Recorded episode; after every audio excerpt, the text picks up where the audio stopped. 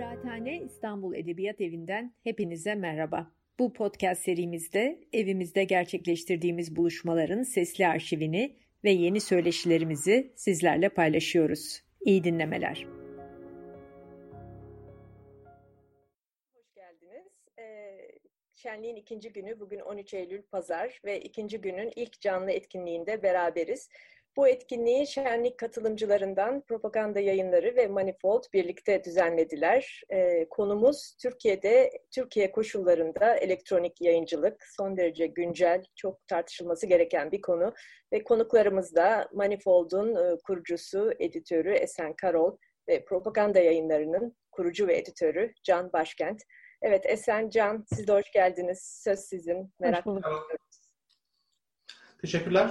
Hepiniz de hoş geldiniz. Bugün kısaca Türkiye'de Türkiye koşullarında elektronik yayıncılığı tartışacağız. Bunu da birkaç konu başlığı altında yapmaya, yapmaya karar verdik. Bu işin ekonomisinden bahsedeceğiz ve bu iş bu ekonomisiyle boğuşurken ne tip sansürlerle, ne tip engellerle karşılaştığımızı anlatacağız. Bu arada da telif üzerine görüşlerimizi anlatacağız.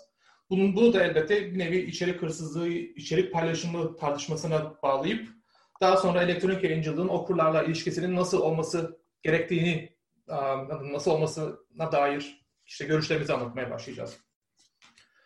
Dolayısıyla ilk aklımıza gelen konu, daha doğrusu belki de ilk ve en önemli konu bu işin ekonomisi. En nihayetinde Türkiye koşullarında elektronik yayıncılık yaparken bu işin nasıl döneceğini maddi anlamda, bu işin geliri giderini nasıl ayarlamamız gerektiğini bilmemiz gerekiyor ve bunu biz de bir şekilde deneye deneye öğrendik. Ben kısaca propaganda yayınlarının bir deney olarak, iktisadi bir deney olarak, yayıncılıkta bir deney olarak nasıl yürüdüğünü anlatmaya baş, anlatayım isterseniz. Biz sadece e-kitap yayınlayan bir yayın eviyiz. Bunun için bunun bir iki nedeni var. Bir, ekonomik olarak bir model ortaya koymaya çalışıyoruz. Bu modelde de ve her satılan kitaptan en fazla kazananın yazar olmasını istiyoruz. Ne yayıncı, ne kitapçı, ne toptancı, ne matbaa. Dolayısıyla bunun için de şöyle bir model geliştirdik her kitaptan satılan her kitabın net gelirin işte komisyon, vergi, ıvır zıvır dışındaki net gelirin yarısını yazara veriyoruz. Yarısı da bize kalıyor. Bize kalanlar da elbette yok web site masrafı, yok e-kitap masrafı, şuna buna gidiyor. Dolayısıyla bu yeni bir ekonomik model. Ne kadar satarsa yazar elbette o kadar fazla kazanıyor. Bunu yaparken de e-kitaplara kullan koruyucu koymuyoruz. Yani istediğiniz kadar çoğaltabilir, istediğiniz kadar başka makinelere aktarabilir, istediğiniz kadar paylaşabilirsiniz. Bu da elbette işin bir politik boyutu. Yani aldığınız her e-kitap aslında size bir dosya olarak geliyor. Bu, dosyayı istediğiniz şekilde kullanabilirsiniz. Bunu yaparken elbette işin uh, yayıncılık kısmında bir nevi oturmamız gerekiyordu. Bunun için de şöyle karar aldık. Örneğin çeviri yayınlamıyoruz. Sadece özgün bu topraklarda yazılmış Türkçe işlere yer, yer veriyoruz. Bunu yaparken de elbette editoryal kriterlerimiz var. İşte özgürlükçü düşünce alanında yayınlanmış yazılmış, hazırlanmış dosyalara yapıyoruz.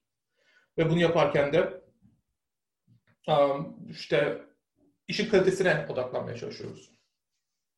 Kısacası radikal ve özgürlükçü mecralarda yayın yapan bir yayın eviyiz. Bu ekonomik model nedeniyle kitaplarımızı 1 dolar, 1 avro bazında da tutabiliyoruz. Kitaplarımız 7 ila 10 lira arasında sadece. Çünkü giderimiz yok kitap dışında. Kendi emeğimiz dışında bir nevi giderimiz çok az. O giderlerimizde işte yok web sitesinin um, hostingi, sunucusu, domaini, şunu bunu.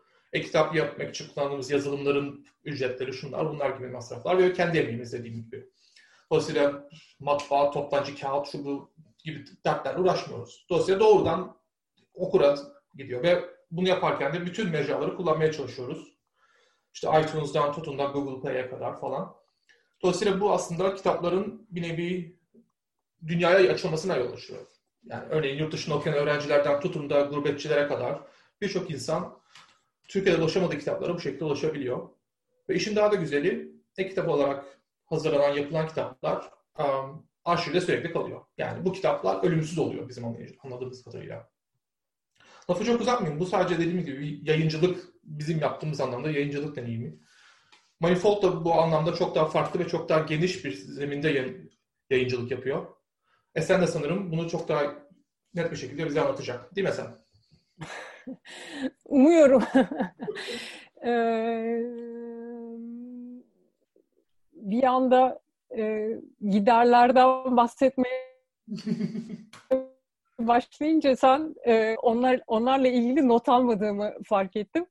E, daha ziyade Manifold'un nasıl bir e, gelir modeli olabilir diye e, düşünüp de nasıl o modelden hiç yararlanamadığımı anlatacaktım e, bugün. E, ama oradan e, gene de başlayabilirim. E, Manifold'u e, yayına e, hazırlarken e, aslında niş e, yayınların e, ana akım yayınlardan çok farklı bir iş modeli olmadığını fark ettim ve hatta e, okudum da. Yani sonuçta e, aradaki ihtiyaçlar çok farklı olsa bile New York Times'ın iş modeliyle Manifold'un iş modeli e, aslında aynı olmalı gibi görünüyor e, e, anladığım kadarıyla. E, bu model melez model denilen türden bir model. E, sonuçta tek bir yerden gelir elde etmesi mümkün değil ya da tek bir yerden elde ettiği gelirin kendisine yetmesi mümkün değil. E, gelir elde edebileceği alanlar e, sırasıyla benim akıl edebildiğim ve görebildiğim kadarıyla e, reklam geliri, sponsor içerik, merşandiz e, ya da ürün e, kategorisi, e, etkinlik düzenleyerek bunun biletinden gelir elde etmek, abonelik, uluslararası fonlar, kitlesel fonlama e, ve genel olarak e, sponsorluk gibi e, alanlar. E, bunların e, her birinde e, bazıları e, Türkiye'deki Türkiye koşullarına hiç e, uygun değil. E, bazılarına manifold uygun değil. E, örneğin e, habercilik yapmadığı ya da ilk bakışta e, siyasi gözükmediği için uluslararası fonlardan yararlanması neredeyse imkansız gibi. E, kitlesel fonlama için e, okurların farklı bir bilince sahip olması gerekiyor. Örneğin 3 yıl manifoldu çok severek okuduğunu söyleyen ama bir metni Manifold'da yayınlansın isteyen potansiyel bir iştirakçı kendisi Manifold'u ücretsiz okumuş olduğu halde Manifold'dan telif almadığı için metnini geri çekebiliyor.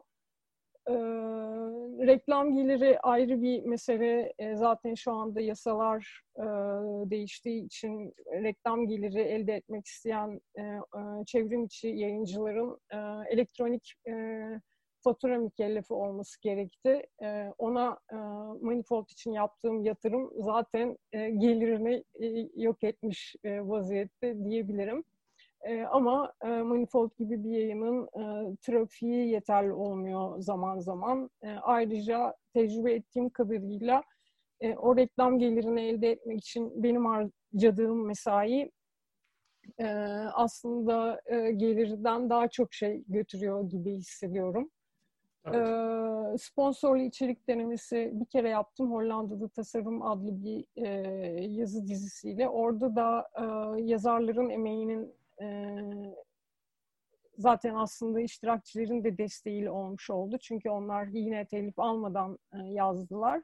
Doğrudan Manifold'a destek olarak e, geldi e, aslında gelir elde etme deneyimlerim içerisinde en anlamlı olan olduğunu söyleyebilirim. İçeriye de hiç müdahale edilmemiş olduğu ve hiçbir şekilde e, reklam, tanıtım, propaganda e, niteliği taşımadığına inandığım için etkinliklerin biletle yapılması iyi bir biletli olması iyi bir yöntem. Onu da kendim tam olarak kabullenemedim. Özellikle tasarım alanında Türkiye'de gerçekleştiren etkinliklerin e, ücretsiz olması gerektiğine dair bir inancım var. Onları ücretli hale e, getirmeyi ikna olamadım ki olması lazım farkındayım yine de. E, ürün kategorisinde son olarak e, orada da e, aslında yani bütün bunlar için geçerli ama e, ekipsiz sürdürmenin çok zor olduğunu, e, çeşitli denemelerim oldu. İşte Manifold'un defterleri, afişleri, e, hatta e, basılı kitapları için söylenebilir. E, herhangi bir satış olduğunda e, her şeyi tek başına yapmaya çalıştığım için onun faturasının kesilmesi, ürünün paketlenmesi, kargoya teslim edilmesi, takibinin yapılması, yazışmalarının yapılması, muhasebesi vesaire derken e, çok çok büyük bir iş. Yani hiç çok basit görünüyor ama e, gerçekten e, çok zahmetli. E, ayrıca kargo çok pahalı. E, dolayısıyla ürünlere de yansıyor bu. E, alanlarda e, çok da düşünmüyorlar e, o ürünün fiyatının girdilerini. Yani o, fi, o, o fiyata yansıyan e, harcamaları. E, Manifold'un kendisinin e, giderleri ise e, hosting gideri, e, yüklenen videoların uzunluklarından ötürü Vimeo'nun ya da Vimeo benzeri kanalların ücretsiz kullanılamıyor olması, podcast yayıncılığı için Spreaker'da pro hesabı sahip olmak, aşağıda e, yorum yapılabilmesini sağlayan, e, buna imkan veren e, Discuss eklentisinin eklenti olmak durumunda olmayabilirdi ama o zaman okur bilgisi topluyor olacaktı Manifold. Okur bilgisi toplamak istemediğim için eklenti olarak kullandığım Discuss'ın reklamsız yer alabilmesi için Discuss'a ödenenler e, vesaire derken e, sonuç itibariyle aslında toplandığında bayağı bir şeysi var ki e, kodlama yatırımını gerek ihtiyaçları işte e, oradaki mesaiyi e, çalışanların emeklerini vesaire saymıyorum. E, çok uzatmadım umarım ama yani sonuçta um, harcamalar ve gelirler dengesi düşünüldüğünde e, Manifold gibi bir yayının e, gelir elde etmesinin e, çok zor olduğunu söyleyebilirim. Ben beceremedim. Eminim evet. başkası daha başarılı olurdu. Ee, aslında bir atlayayım, şey atlamak istiyorum. İçerik hırsızlığı ya da bir nevi içerik agregatörlerinin seni beni bizleri bizim oluşumları nasıl etkilediğini biraz aslında değinebiliriz propaganda açısından bu tuhaf bir denklem. Dediğim gibi kitaplarımızı paylaşıma açık bir şekilde satıyoruz aslında bakarsanız. Aldığınız kitabı bizden istediğiniz gibi paylaşabilirsiniz. Tek istediğimiz örneğin torrent net ağlarına şuna buna koymamanız. Ta ki ekşi sözlük, e-kitap meritokrasi denen oluşumun bizim yayınlarımızın çoğunu açık bir şekilde torrent networklerine, ağlarına, şebekelerine yaymasıyla bütün iş bozuldu. Bundan dolayı da neredeyse kitaplarımızın çoğu, hatta çoğu bu ağlarda var. Bu ağın adını söylemekten de çekinmiyorum aslına bakarsanız. Bu adam bundan dolayı birçok insan artık bizim kitaplarımızı para verip al, almıyor. Bununla savaşmak bizim için ciddi bir emek ve zaman ve moral kaybı oluyor. Bununla beraber Yandex, Yandex Disk gibi web sayfalarında ya da işte bulut temelli saklama yerlerinde de birçok kitabımız var. Bunu tabii ki nereden buldular, nasıl yüklediler şunu bunu hiç hiçbir fikrim yok. Kimler ne kadar indiriyor, indirenler ne kadar okuyor bunu da hiçbir şekilde kestiremiyoruz. Dolayısıyla hiçbir rakam yok elimizde. Bunun bizi ne kadar etkilediğini de tamam, tamamını bilemiyoruz. Sorulardan biri örneğin DRM kullanmayı düşünme, düşün, düşünüp düşünmediğimizle ilgiliydi. Ticari olarak elbette bunun bize faydası olacağını öngörebiliyoruz. Ama bu kısa vadede olacağını düşünüyoruz. Bundan dolayı da DRM kullanmıyoruz. Çünkü amacımız kitapların okunması. Okuyanların da verdikleri paraya acımaması. Kitaplarımız zaten ucuz. Dediğim gibi 7 ile 10 lira arasında. DRM kullanarak bir nevi kullanıcı verisi toplamak istemiyoruz. Yazılımları daha da komplikeleştirmek istemiyoruz. Zaten e-kitabın Türkiye'deki penetrasyonu çok zayıf. Bunu daha da zayıflatmak, daha da yavaşlatmak istemiyoruz. 2-3 öğrencinin bir araya gelip kitaplarımızı almasını engellemeyi de istemiyoruz. Bu da benzer birçok aslında politik nedenlerden dolayı ve bana kalırsa uzun vadeli ekonomik nedenlerden dolayı DRM kullanmıyoruz. Çünkü uzun vadede de DRM'in zararlı olduğu belli. Politik olarak yanlış olduğu da bana kalırsa belli. Amacımız kitapların okunması ise eğer, kitaplarımızın yayılması ise eğer, DRM'de bunu engellemek de istemiyoruz. Ama Manifold açısından denklem daha da farklı. Çünkü Manifold daha güncel içerikle neredeyse her gün güncellendiği için içeriğinin başka mecralar tarafından alım kullanılması daha da sanırım e, zararlı oluyor değil mi sen?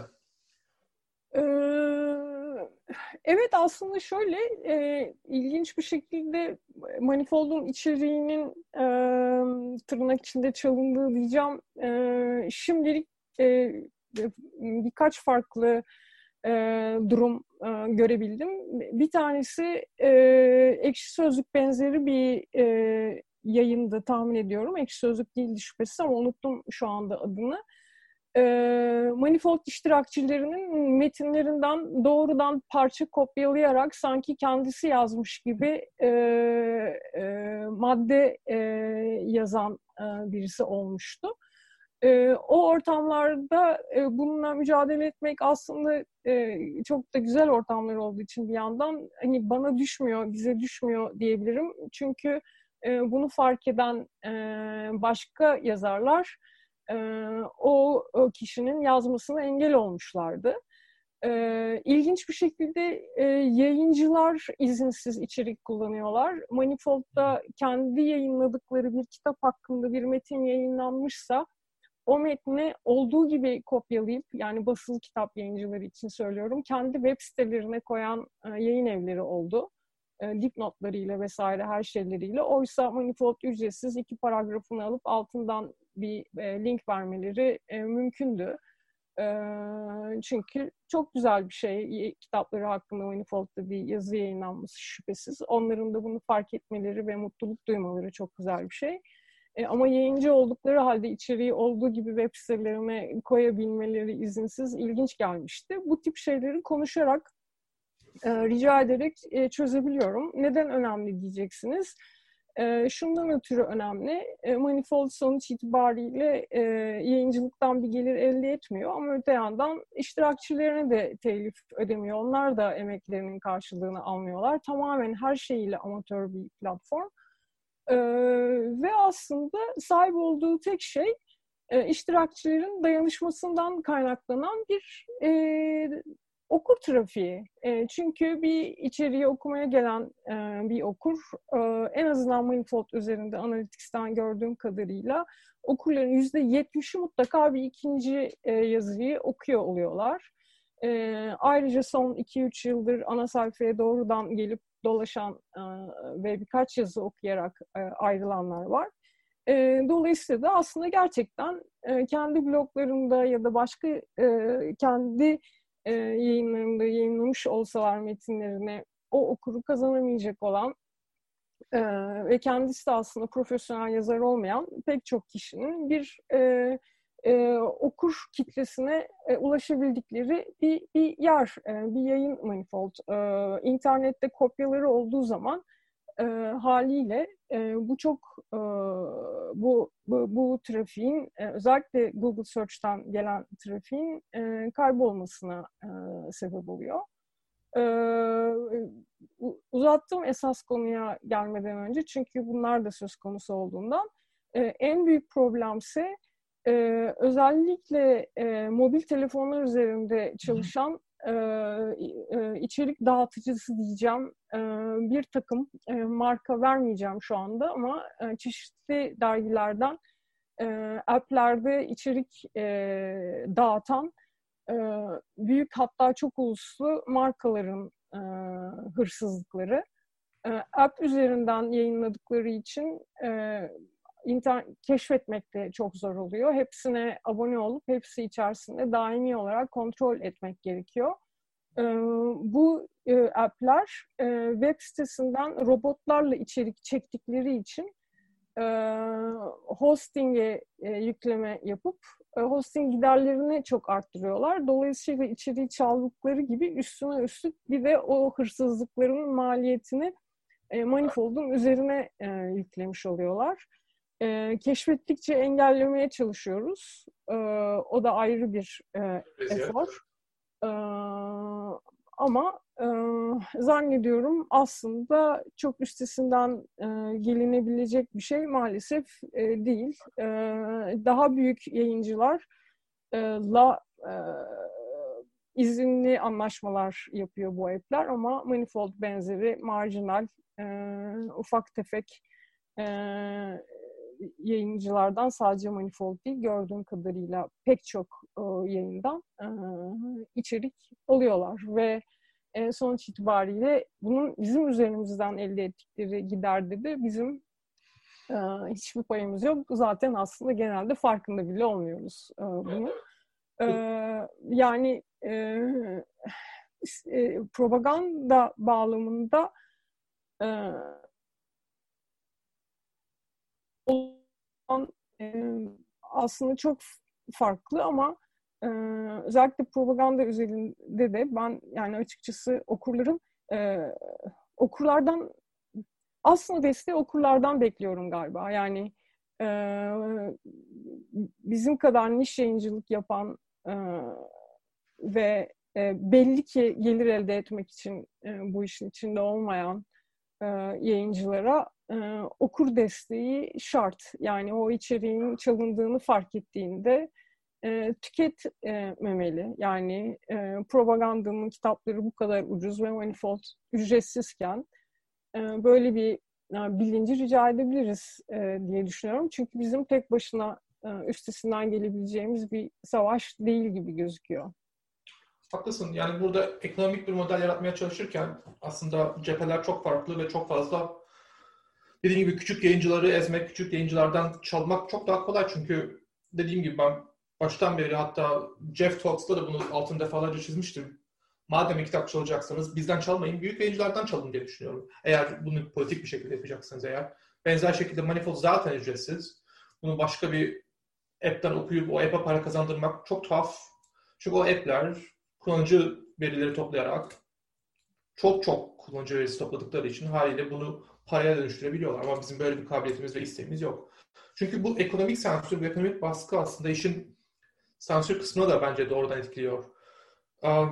Biz dediğim gibi politik yayın eviyiz. Politik kitaplar yayınlıyoruz. Sakıncalı kitaplar yayınladığımız da oluyor. Bundan dolayı mıdır bilinmez. Nedenini hala bilmediğim bir şekilde 4-5 sene kadar önce web sitemiz, tek satış mecramız, en büyük satış mecramız olan web sitemiz sansürlenmişti bir şekilde. Erişim erişilemiyordu. Biraz eşeleyince bunun IP temelli bir sansür olduğunu görmüştük. O zamanlar IP temelli sansür falan yapıyorlardı. Ki o zamanlar daha biz web sitemiz şimdi kadar daha komplike bir altyapıya sahip değildi. O zamanlar biz paylaşımlı IP'ye dayalı bir web sitesi kurmuştuk, bir domain kurmuştuk. Dolayısıyla bizim IP numaramızda yüzlerce site vardı. Aynı hostingden, hostingden aynı sunucudan aldığımız için. Ne bileyim bizle beraber örneğin İngiltere'deki tuhaf satranç kulüplerinin web sitesi, bilmem ne Bahçıvanlık Derneği'nin web sitesi falan hepsi aynı şekilde sansürlenmiştir. Bunu bir şekilde azıcık eşeleyince görebiliyorsunuz. Dolayısıyla çok amatör ve çok tuhaf bir şekilde engelleniyorduk. Satışlarımızı çok etkiliyordu bu. Yazarlarımıza, yazarlarımızın ucuz kitaplarına erişimi çok tuhaf bir şekilde etkiliyordu bu. Ama o zamanlar sansür daha popüler, konusu biraz daha popülerdi politik anlamda. Yani insanların dikkatini çekiyordu, ilgisini çekiyordu. İnsanlar karşı çıkıyordu. Şimdiki gibi değildi. Şimdi artık sansür, internet sansürü çok çok yayınlandı. Çok çok yayıldı ve otosansüre dönüştü tahmin ettiğiniz üzere. Dolayısıyla ben bu politik ve ekonomik sansürcülüğü, baskıyı bileyim diyeyim hatta benzer görmeye başladım bu zaman içerisinde. Telif de bunlardan biri aslına bakarsanız. Ben işte başta dediğim gibi yayın olarak kazancımızın yarısını yazara veriyoruz. Çünkü bunun adil olduğunu düşünüyoruz. Hatta bunun bir nevi bizi iteklediğini düşünüyoruz. Daha fazla satalım ki ne kadar fazla satarsak o kadar ekmek nevi. Ama elbette bu bu, bu ekonomik model geçim sağlamamıza yetmiyor. Bunun nedeni de yine eserinde dediği gibi okurun yeteri kadar destek vermemesi. Bundan şikayet etmiyorum. Bu aslında çok bilinen bir ekonomik model, ekonomik paradoks belki de. Çok satan yayın evi, çok ünlü yayın evi daha da fazla satmaya başlar. Adını hepimizin bildiği, kitap, hepimizin kitapları, kitaplıklarının yarısının dolu olduğu büyük kitap evlerinden daha fazla kitap almaya başlarız. Dolayısıyla zamanla küçük yayın evleri ve küçük yayıncılardan daha da az alışveriş yapmaya başlarız. Onlar yavaş yavaş erir giderken büyük evleri daha da büyümeye başlar. Bu tuhaf bir paradoks aslında. Aslında çünkü sorduğum vakit işte bağımsız yayın evlerini, küçük yayın evlerini destekleyelim, bunlar ne kadar güzel bir şey deriz ama yapmayız. Bu ekonomik modelle uğraşmak gerçekten çok yıpratıcı bence. Bunu biz sürekli hissediyoruz. Yani um, sene muhasebe, her sene sonunda muhasebesini yaptığımız vakit satışlarımızın çok daha fazla olabileceğini görebiliyorum satışlarımızın Türkiye'nin ekonomik ve iktisadi grafiğine ne kadar paralel olduğunu görebiliyorum. Bilhassa siyasal İslam'ın kurulmasından sonraki dönemde satış grafiklerimiz çok ciddi bir şekilde düştü. Ateizm kitaplarını yayınladığımız dönemde son birkaç çıkan ateizmle ilgili kitaplarımızdan sonra birkaç okur geri bildirimi şey aldık, yorumu aldık. Birçok okur kredi kartını kullanmak istemiyordu. Fişlenir korkusuyla. Dolayısıyla kredi kartı sistemimizden isim verifikasyonunu kaldırmak zorunda kaldık. İnsanlar gönül rahatlığıyla kitap alabilsinler. Dolayısıyla bu tip tuhaf görünmeyen sansür ve baskı mekanizmalarıyla karşı karşıya yapıyoruz. Ve bu bir nevi aslında bizim oku, yayıncı olarak, yazar olarak okurla ilişkimizi etkiliyor. Esen dediği gibi işte okurdan daha fazla destek beklemek zorunda kalıyoruz. Manifold sence bunu nasıl görüyor sen? Yani okurla ilişkimiz nasıl olmalı, nasıl yapmalıyız, nasıl devam ettirmeliyiz? Ee, sansüre dair ufak bir iki bir şey söyleyip okura geçeyim e, diyorum. Ee, aslında e, e Manifold'un e, hiç şüphesiz bir e, dünyaya e, bakış var e, diye düşünüyorum ama bunun e, e, manifold perspektiften e, olması için de e, büyük e, çaba harcıyoruz hep birlikte. E, e, doğrudan gündelik siyasette ilişkin metinler yayınlanmadığı için de e, sansür kaygısı belki biraz daha az oldu diyebilirim. E, e, ama öte yandan 14 Temmuz 2016'da yayına girip 15 Temmuz'da e, ilk gününü e, yaşayan e, bir e, yayın için e, ilk bir buçuk iki sene e, çok, e, çok çok zor geçti. Arada bazı metinleri e, tanıdık avukat arkadaşlara göndermem gerekti. E, bazı şeylere e, özellikle e, çok bilinçli olarak değil ama yani o senin doğrudan otosansür dediğin e, bizim kendi kendimize çok dikkat ettiğimiz çünkü e, sıklıkla e, erişim e, sayfa sayfanın engellenmesi değil, siteye erişimin engellenmesi üzerine gerçekleştiği için e, bu kadar herkesin kişisel çabasıyla var olan bir platforma erişimin engellenmesini hiç hiçbirimiz hiç istemiyorduk. Bütün iştirakçılar da dikkat ettiler tahmin ediyorum. Ama hep böyle kaygılar içerisinde oldu bu. Ben tabii e, esas büyük e, sansürün yanında çok küçük kalabilir ama e, e, örneğin Facebook'un sansürü benim için hep e, çok ilginç oldu. Çünkü adı çok konmamış bir şey. E, kendi e, rehberlerinde de e, yeteri kadar şeffaf değil. Neleri kabul etmediklerini yazıyorlar ama yazmadıkları daha mühim. Yani sonuçta Hasan Cem Çalın'ın deneysel sinema üzerine yazısının paylaşım resminin sol alt köşesindeki bit kadar bir orak çekiç yüzünden yazının engellenmesi, e, Facebook'un sevmediği bir URL'yi içinde silah kelimesi geçiyor diye URL'nin paylaşılmasına e, engel olması, içinde lanet, e, özellikle antroposen, e, ölüm, vahşet e, vesaire gibi kelimelerin geçtiğini fark ettiği postların e, Facebook deyimiyle boost edilmesi yani e, e, bir şekilde daha çok okura ulaşması için para karşılığı trafiğinin e, önünün açılması, eylemine izin vermemesi e, gibi e, inanılmaz. Hani Manifold kadar e, belki e, e, işte dışarıdan bakıldığında bazı açılardan suya sabunla dokunmuyormuş gibi gözüken bir yayının bile e, e, büyük sermaye karşısında ne kadar yaramaz bir yayın olduğunu evet, evet. İnsan ilginç bir şekilde e, deneyimliyor. E, buradan hızla okurlara geçecek olursam e, okurlarla ilişkiye elimden geldiğince dikkat etmeye çalışıyorum ama Manifold'un sorumluluğu daha ziyade iştirakçilerine diye düşünüyorum. Ee, onlar da zaten kendileri sıklıkla Manifold okuru oluyorlar. Ee, çünkü Manifold e, aslında e, okurun ihtiyaçlarından çok yazarın ihtiyaçları yüzünden var olan, e, yazarak düşünmeyi, deneyimlememiz için e, yanılmayı, hata yapmayı, kötü şeyler yazmayı ama yazmayı öğrenmemiz ve düşünebilmemiz için var olan bir platform. Dolayısıyla e, biraz e, galiba e, iletişim söz konusu olduğunda aşağı yukarı 300 iştirakçısı oldu şu ana kadar Manifold'un. Yazarlarla yazışmalara, iştirakçılarla yazışmalara e, daha çok dikkat ediyorum ama hem Facebook hem Twitter, Instagram, SMS, kısa not ve e-posta üzerinden e, okurlarla da e, çok yazışılıyor. Ekip olmamak burada da e, kendisini gösteriyor. Çok büyük bir mesai. E, ayrıca okur sayısı arttıkça e, trolleme diyeceğim gerek iştirakçileri, beğenilmeyen, tartışma yaratan metinlere e, kötü sözler söyleme e, ve e, eleştirileri bir metin olarak Manifold'a e, yollamak yerine sosyal medyada e, ağız dalaşına girmeyi e, tercih e, etme durumu söz konusu maalesef. E, buna da yapabilecek çok fazla bir şey yok. Kendimce herkesi yazmaya davet ediyorum. Gücüm de yok zaten o tartışmaların içine girmeye. Kaldı ki zaten e, e, yayıncılığını yaptığım içeriklerin pek çoğu da uzman değilim. Doğrudan içerik tartışmasına da giremem. Son bir söz olarak ama şunu görebiliyorum arka planda. Kendim kullanmamakla beraber özellikle Analytics üzerinden e, tabii ki bireysel olarak değil ama elektronik yayıncılıkta okurlar ve okurların e, davranışları hakkında e, bilgi toplayabilmek ve onları izleyebilmek çok heyecan verici, çok ilginç.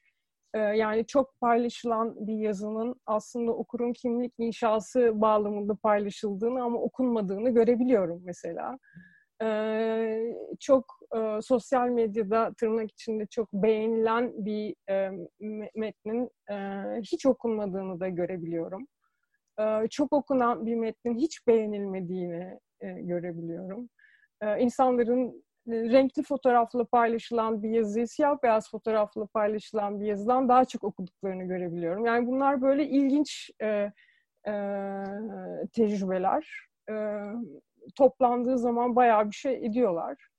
E, dolayısıyla da elektronik yayıncılığın birebir okurla ilişki kurabilmek ve aynı zamanda davranışlarını görebilmek açısından çok heyecan verici bir tarafı var. E, e, ayrıca Manifold özelinde belki haber yayıncılığı yapmadığı için geçmiş tarihli yazılar çokça okundukları için gündemin o okumalarına kadar etkilediğini görmek de çok ilginç.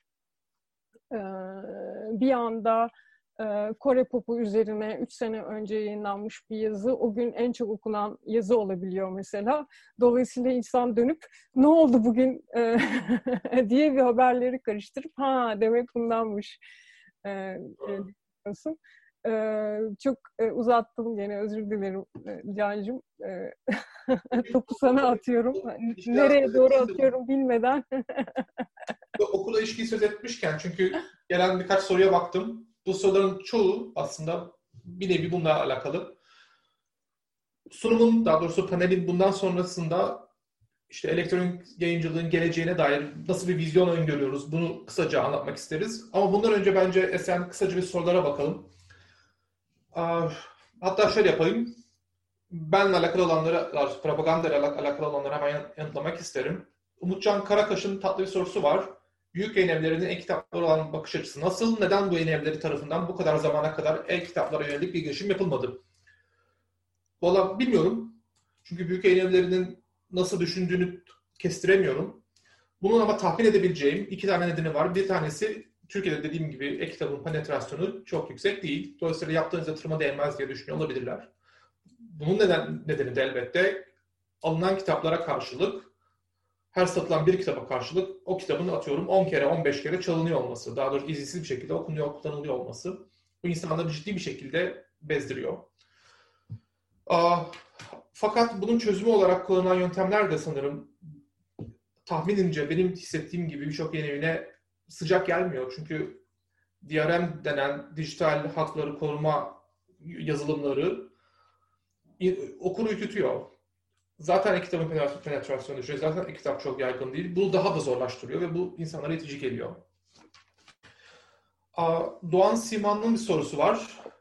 elektronik yayıncılıktan gelir elde etmek, et, etmekte kilit noktanın işleyen bir mecranın varlığı olduğunu söylüyor. Türkiye'de örneğin Spotify ve Netflix'in ciddi bir abone kitlesi olduğundan bahsediyor. Özellikle Twitch üzerinden nedir bilmiyorum.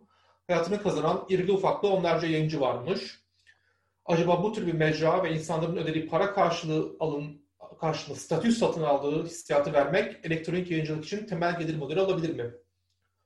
Belki olabilir ama şunu fark etmek lazım. Spotify ve Netflix çok daha kolay tüketilen, çok daha rahat tüketilen ürünler satıyor bence ve bundan dolayı uh, abonelik modeli işliyor. Bizim kitaplarımıza abone olabileceğiniz mecralar var. Aylık bir ücret ödediğiniz zaman sadece bizim değil binlerce farklı yayıncının kitaplarını cihazınıza yükleyip oradan okuyabileceğiniz mecralar var. Buradan bize neredeyse hiç gelir gelmiyor. Ve bu tip yerler eninde sonunda yayıncılardan daha fazla kazanır hale geliyor. Dolayısıyla bu tip yerlere girerken de yayıncı olarak iki kere düşünmemiz gerekiyor. Bu soruya elbette Esen yanıt verecek. Ben son bir yanıt daha vereyim sonra topu Esen'e atayım. Ferah'ın sorusu da şu. Fikri mülkiyet hakları ile ilgili hukuk sürecine girmeyi düşünüyor musunuz? İçerik hırsızlığı ile ilgili. Küçük yayıncıların yüzsüzce suistimal edilmesinin nedeni bu yolun uzun, meşakkatli ve masraflı olduğu endişesinden kaynaklanıyor. Ferah'a göre ve Ferah da diyor ki mücadele etmekten vazgeçmemek gerekiyor. Valla çok doğru. Fakat bunu tek başımıza yapabileceğimiz bir süreç değil bu. Ve yine aynı şey aklıma geliyor okurla ilişki bağlamında. Bunun okurun ne kadar okur tarafından ne kadar destekleneceğini, okuru ne kadar soğutacağını hala kestiremiyorum. Özellikle e-kitap konusunda. Çünkü hala e-kitabın ücretsiz olması gerektiği, rahat bir şekilde erişilebilmesi gerektiği, e-kitaba paralı verilir mi ya mantığının egemen olduğu bir kültürel iklimden söz ediyoruz. Dolayısıyla teknik olarak bir bahsettiğim torrent ağlarının engellenmesi, durdurulması neredeyse mümkün değil. Torrent'in işlemi, işlemesi açısından. Yandex'e şikayet ettiğin zaman kaldırıyorlar ama tek, tek, tek, tek, tek, tek sürekli bunun peşinden koşmak gerekiyor. Bununla ilgili çabalar elbette harcıyoruz, mücadele ediyoruz. Ama sonuç yine aynı şey. Yani elektronik bir şekilde dosya paylaşmak ve çalmak mev- mevzusu söz konusu olduğu vakit teknoloji şey, hukukun ya da sizin kişisel çabalarınızın bunun peşinden koşup bunu engellemesi fikren pratikte mümkün değil. Dolayısıyla enerjimizi buna verecek uh, lüksümüz yok diye düşünüyorum. Esen de bunu biraz önce anlattı. Yani bu içerik paylaşım motorları ve app'lerin peşinden koşmak bir size bir nevi hani derler ya o hamster çarkında koşuyormuş hissi veriyor. Siz istediğiniz kadar koşun, istediğiniz kadar koşun. Yarın başka birisi zaten aynı dosyayı, bütün külliyatınızı internette bir yere zaten koyacak hissi veriyor size. Ve bu da artık bir yerden sonra eziliyor. 9 küsur yılda bu iş yapıyoruz. Ve bitmiyor. E sen, sen ne dersin? Q&A'dan baktığın vakit bazı sorular var. Sen de istersen onlara bak. Ee, Uğurcan Taşkın e, Google Analytics üzerinden erişebildiğiniz verileri Manifold okurlarıyla paylaşmayı düşünür müsünüz demiş. E, ilginç olacağını e, söylüyor. E, çok katılıyorum. E, daha üzerinde anlamlı bir şekilde çalışamadım. E, sadece e, dikkatimi çeken noktaları not almaya çalışıyorum. E, uzun vadede becerebilirsem bireysel olarak bir fon başvurusunda bulunup e, bununla ilgili bir e, yayın e, yapmayı gerçekten e, planlıyorum. Çünkü e, sadece web sitesi üzerinden değil, sosyal medyadan e, topladık, topladığım e, bilgiler de e, çok ilginç. E, ama e, gerçekten apayrı bir mesai ayırmak gerekiyor ve Manifold'un gündelik operasyonu e, buna izin vermiyor e, şu anda. E, Dolayısıyla da gelecek planlarım içerisinde var. Hatta başka yayıncılarla da söyleşi yaparak e, Manifold tecrübesini aşmasını da sağlayacağım umarım. E, bu Netflix, Spotify benzeri e, şeylerle ilgili de bir, bir, birkaç şey söylemek istiyorum. Aslında Manifold söz konusu olduğunda örneğin yayına geçtiğinde niye Medium üzerinden yayın yapmadığım konusunda eleştirilmiştim. E, benzeri e, eleştiriler hep oluyor. E, ben e, elektronik kitaplar için belki bunu tam söyleyemem ama çevrim içi e, yayınlar için Ee, kesinlikle şöyle bir duygum var. Sizler ne düşünürsünüz? Ee, katılımcılar siz de ses verin bu konuda. Ee, ama e, web sitelerinin mekanlar olduğunu e, ve o mekanların kendine has niteliklerinin çok mühim olduklarını düşünüyorum. Bir atmosfer yarattıklarını, bir e, bir e, bir insanda bir yere geldim e, ve bir bir, bir, bir evet yani ancak atmosfer kelimesiyle tarif edebilirim zannediyorum. Bir New York Times haberini kopyalanmış olarak Facebook'ta okumak da gerçekten New York Times'ta e, okumak arasında Wired olabilir, Believer olabilir, New Yorker olabilir, e, beş harfliler olabilir, e, T24 olabilir. Hiç fark etmez yani e, örneklerimi bağışlayın lütfen. E, ama e, sonuçta e, o, belki de bir tasarımcı olduğum için böyle düşünüyorum. E, affedin eğer öyleyse ama e, kendimizce bir dünya kurmaya çalışıyoruz. E, örneğin Manifold'un e, sayfa düzeni anlayışının e, ve oradaki aslında e, durağanlığın e, diyeyim e, okumakla kurduğumuz ilişki üzerine kendince bir söz olduğunu e, düşünüyorum. Evet. E, bunun bunun e, gibi yani sonuçta e, bir şekilde bir e, Spotify ya da Netflix gibi büyük bir içerik akıtıcısı içinden akıyor olsa e, Manifold e, o, o mekanın e, niteliklerine bürünüyor olacak. Halbuki biz ana akım yayıncılık değil, niş yayıncılık yapmaya çalışıyoruz ve aslında hikaye ideolojik olarak e, niş nişlerin varlığına önem veriyor muyuz, vermiyor muyuz üzerine kurulu.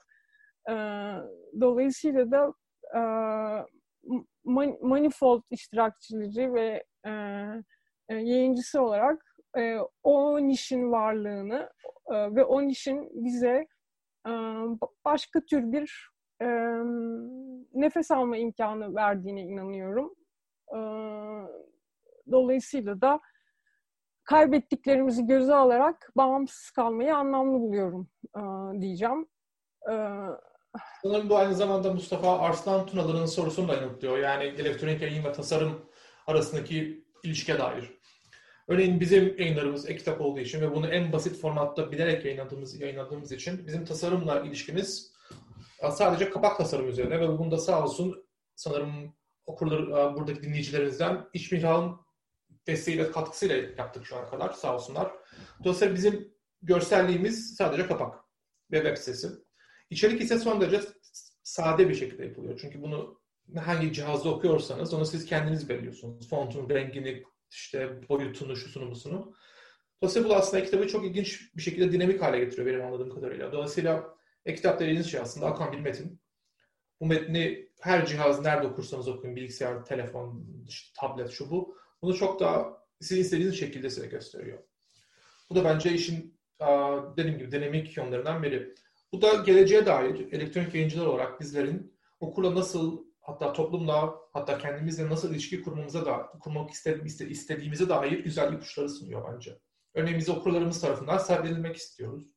Bu sahiplenilmek de aslında biraz önce dediğim gibi Türkiye'deki uh, siyasetin ve ekonominin iniş çıkış grafikleriyle çok son derece paralel olarak gidiyor.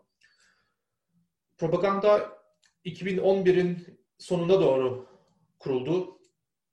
Dolayısıyla 9 küsur yıllık deneyimimiz var ve bu deneyimimizi dediğim gibi Türkiye iktisadı ve siyaseti grafiğiyle üst üste koyduğunuz vakit bu sahiplenilme duygusunu çok net bir şekilde görebiliyorsunuz. Başlarda çok daha sıcak, çok daha içten okur mesajlar alırdık sürekli. Okurların ilgisini çok daha yoğun bir şekilde hissederdik. Fakat dediğim gibi siyasal İslam kudur, kudurduğu zaman, kudurulduktan sonra diyeyim, bu ilişki çok daha içe kapanık bir şekilde uzaktan seyretmeye dönüştüm. Bundan dolayı da okurlarımızı artık çok daha az hissediyoruz. Çok daha az farkına varıyoruz. Çok daha az geri, geri alıyoruz. Çok daha az okur iyi ya da kötü eleştirisi alıyoruz. Bunun yerine ne alıyoruz? Bunun yerine Twitter linçleri alıyoruz. Küfür dolu e-mailler alıyoruz. Ondan sonra o kitap satışımızdaki azalmaları görüyoruz. Vesaire vesaire. Dolayısıyla önümüzde nispeten karamsar bir tablo var. Ama bu karamsar tablo illaki değişecek. Karamsarlığı çünkü kötü günler, iyi günlere saklamak gerekiyor diye düşünüyorum. Um, ama iki, iki büyük engelimiz var okul ilişki kurmakta. Bir teknoloji olan ilişki, ilişkiyi de aslında biz sarsmaya ve değiştirmeye çalışıyoruz bir şekilde. Çünkü Ekran her ne kadar teknolojik bir ıvır zıvır gibi olarak görünse de Facebook, Twitter vesairenin en yoğun kullanıldığı ülkelerden biri Türkiye. Yani insanlar istedikleri zaman, istedikleri telefondan, bilgisayardan, şuradan buradan Twitter ve Facebook'a girip orada son derece aktif olmayı becerebiliyorlar. Dolayısıyla bir istek, böyle bir motivasyon var çünkü. Ama aynı şey e-kitaba yönelik yok. Çünkü zaten kitap satışları, elektronik ya da batkulu çok düşük. Kütüphane girişleri satışları çok düşük. Hele hele en büyük amaçlarımızdan biri başlarda kitap e-kitaplarımızın hepsini e-kitap kütüphanelerine katmaktı. Devletin ya da bağımsız e-kitap bağımsız kütüphanelerin böyle bir ya da üniversite kütüphanelerin böyle bir çabası yok. Olması gereken ya da istediğimiz ya da amaçladığımız aslında kütüphanelerin, işte sizlerin kütüphane kart numarasıyla ya da kullanıcı adlarıyla kütüphanenin web sitesi üzerinden kitaplarınızı bir nevi ödünç alabilmenizdi. Para vermeden bir şekilde. Dolayısıyla burada lisans ya da kitabı sadece alan kütüphane oluyor ama kütüphane bunu kullanıcılara paylaşabiliyor. Böyle bir sisteme bile erişemiyoruz. Bunun yerine dediğim gibi kitaplarımız torrent ağlarında çalınıyor. Bu çelişki um, önemli bir çelişki bence. Dolayısıyla geleceğe nasıl bakmamız gerektiğini de bizim için ciddi bir şekilde şekillendiriyor. Dediğim gibi amacımız hala e-kitaplarımızın e-kitap kütüphanelerine girmesi. Bununla beraber elbette satışlarımızın daha da fazla olması. Bununla beraber gündemde daha fazla yer alabilmemiz. Eskiden yeni kitaplarımız çıktığı vakit duyurularımız ana akım medyada yer alabilirdi rahatlıkla. Şimdi artık o kesinlikle olmuyor neredeyse. Birkaç belki internet mecrasında, internet gazetesinde çıkıyoruz. Ana akımda çıkmıyoruz. Bu bizim için bir nevi geleceğe dair bir iki önemli vizyondan, önemli hedeften biri. Peki sence mesela Manifold'un nasıl bir hedefi, nasıl bir gelecek vizyonu var? Olmalı hatta. Ee, burada e, basılı kitap meselesine e, de e, bir de, değmiş olacağım diye ümit ediyorum. E, aslında Manifold'un gelecek hedefi yayına e, yayın hayatına başlamadan önceki hedefinden çok farklı değil. Sadece e, yıllar içerisinde e, becere, beceremedik diyebilirim. O da e, öncelikle Manifold'un içerisinde e, ortaya çıkan içeriğin e, yeniden e, redaksiyondan geçerek ve başka bir editoryal anlayışla e, kitaba dönüştürülmesi hedefi var. Bunun e, sadece İpek Yürekli'nin fil hafızası metinleri e, kitaba dönüştürülebildi şu ana kadar. E, oysa e, kitap şenliğinin e, alı, e, şenlik alanında da e, standımızda yazdığımız üzere göreceksiniz e, pek çok e, yazarın e, yazı dizilerinden ve aynı zamanda Manifold'daki bazı etiketlerden e, ortaya çıkmasını beklediğim, e, planladığım e, hatta çalış bazısının çalışmalarına başladığımız kitaplar var. E, burada benim e, elektronik kitapla ilgili düşüncem, daha doğrusu kitapla ilgili düşüncem şöyle. E, okurlarım e, çok farklı tercihleri olabiliyor. Hangisi daha iyi, hangisinin diğerine nazaran e, hangi özelliği daha kayda değer gibi tartışmalardan ziyade aslında bir yayıncı kitap olarak hazırladığı bir içeriği e, her şekilde e, okurla buluşturabilmeli diye düşünüyorum. Buna sesli kitapta dahil, elektronik kitapta dahil, basılı kitapta dahil ve elimizdeki teknolojiler, hali hazırda var olan e, teknolojiler e, buna izin veriyorlar. E, dolayısıyla aynı anda e, farklı mecralarda yayınlanabilecek bir şeyin buna en e, yayınlanamamasının sıklıkla sebebi yani yayıncıların e, şüphesiz bazı yayıncılar bunu yapmıyorlar inanmadıkları için kanımca e, ya da işte elektronik kitap yayınlarlarsa basılı kitap satışlarını olumsuz etkileyeceğini düşünenler var e, vesaire vesaire. Ben kendi adıma benim gelecek tahayyülümde bir kitap her şekilde her farklı farklı vücuda gelerek okurla buluşabilmeli. E, ve e, bunu e, bunun önündeki engel örneğin e, PayPal'in e, Türkiye'den e, kovulmuş olması diyeceğim bile e, engellerden bir tanesi olmuştu. Çünkü e, talep üzerine e, baskı servisi veren e, ba, pek çok e, servis, Blurb gibi e, PayPal hesabınız yoksa e, sizi müşteri kabul etmiyor. Yani alıcı için önemli değil. Okur oradan kendi kredi kartıyla kitap alabiliyor ama tırnak içinde siz satıcıysanız PayPal hesabınız olmadan Blurb'de e, yayıncı e, olamayabiliyorsunuz. E, böyle bir yıl e, şu anda saymamın anlamlı olmadı ama küçük küçük engeller var ve Türkiye'de e, talep üzerine baskı sistemi ne yazık ki kuramıyoruz. Talep yetersiz olduğu için. Oysa e, belki pazartesi günkü e, pazartesiydi yanılmıyorsam yayıncılar forumu e, konuşma konularından birisi olabilir. Küçük yayıncıların yani basılı kitap e, yayıncılığı yapan küçük yayıncıların e, en büyük sorunlarından bir tanesi depolama ve dağıtım. E, yani aslında basılı kitap e, üretmek çok büyük bir sorun olmayabilir ama e, o e, basılmış olan kitapları nerede depoluyoruz ve onları nasıl okura ulaştırıyoruz aşmak çok güç olduğu için ben bunun en iyi çözümünün e, akademik yayıncıların, özellikle Amerika'daki akademik yayıncıların sıklıkla kullandıkları talep üzerine baskı yöntemi olduğunu düşünüyorum.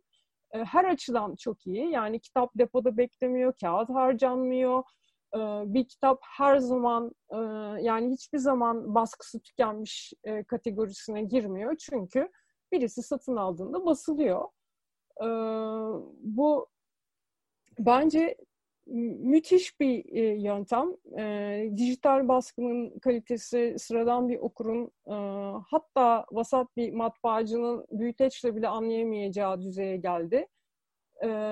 Ciltleme çok çok gelişti e, Türkiye'de e, aslında e, altyapısı var e, ama e, talep olmadığı için e, operasyonel mekanizması kurulamıyor diyeyim. Yani makine var e, ama e, makineler insansız e, sonuç alamıyorlar. E, onun etrafındaki e, emekçiler e, toplanamıyor. Özetle gene uzattım ama e, ben benim gelecek e, en e, mühim e, gelecek hayalim e, basılı kitap e, sevenleri e, en mutlu edecek olan e, talep üzerine baskının e, yaygınlaşabilmesi, e, ucuz bir şekilde var olabilmesi e, ve böylece bizim aynı anda hem elektronik hem basılı kitabı tek bir kere de yayınlayabiliyor olmamız.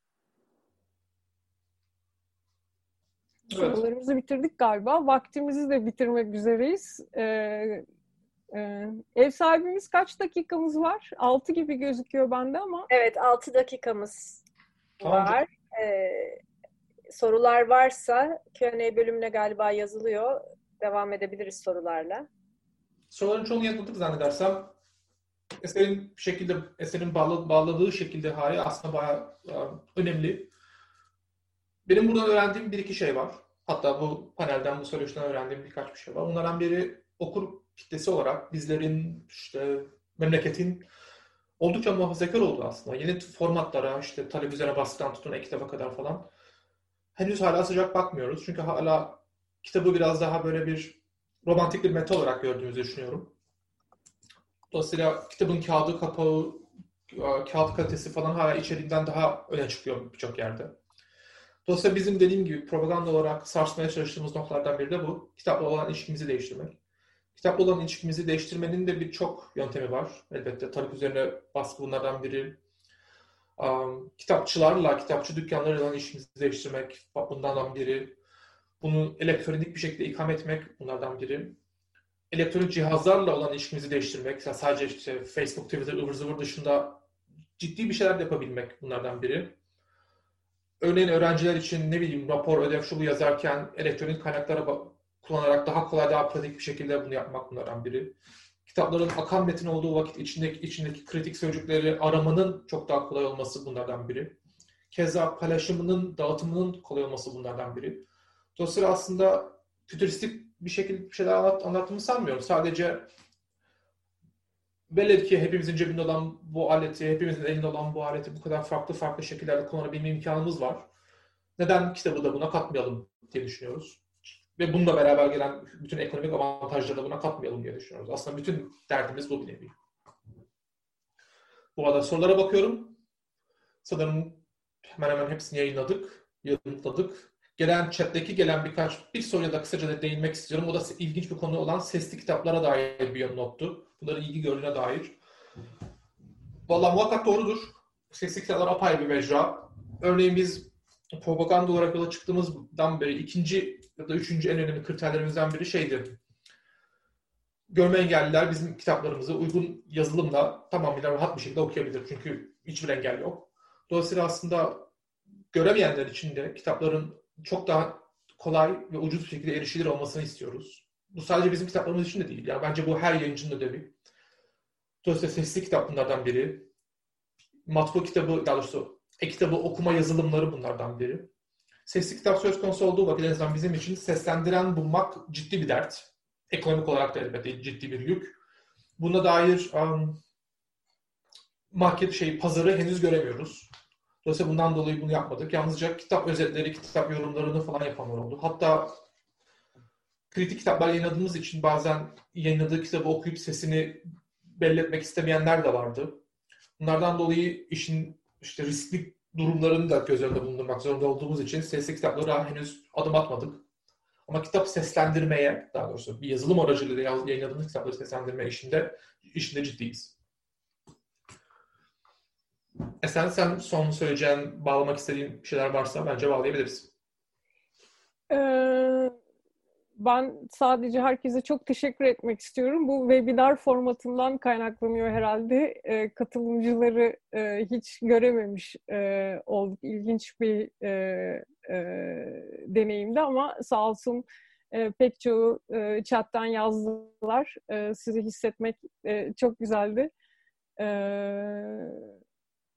iyi ki gel katıldınız diyebilirim herkese. E, ayrıca e, tabii ki e, e, Kıraathane'ye bu şenliği düzenlediği ve e, basılı kitap konusunda e, varlığımız e, e, yok e, sayılacak durumda olmasına rağmen bizi şenliğinize kabul ettiğiniz için evet. e, teşekkür ederiz. Çok teşekkür ederiz. Hem propagandaya hem manifolda, Esen sana, Can sana hem bu güzel konuşma için özellikle talep üzerine baskı gibi sanıyorum daha uzun süre tartışılması, yollarının aranması gereken bir konuyla da bitirdiğiniz için e, hem de varlığınız için, yayınlarınız için, e, yaptıklarınız için ve şenlikte olduğunuz için çok çok teşekkürler. Yeni programlarda buluşmak üzere diyeyim.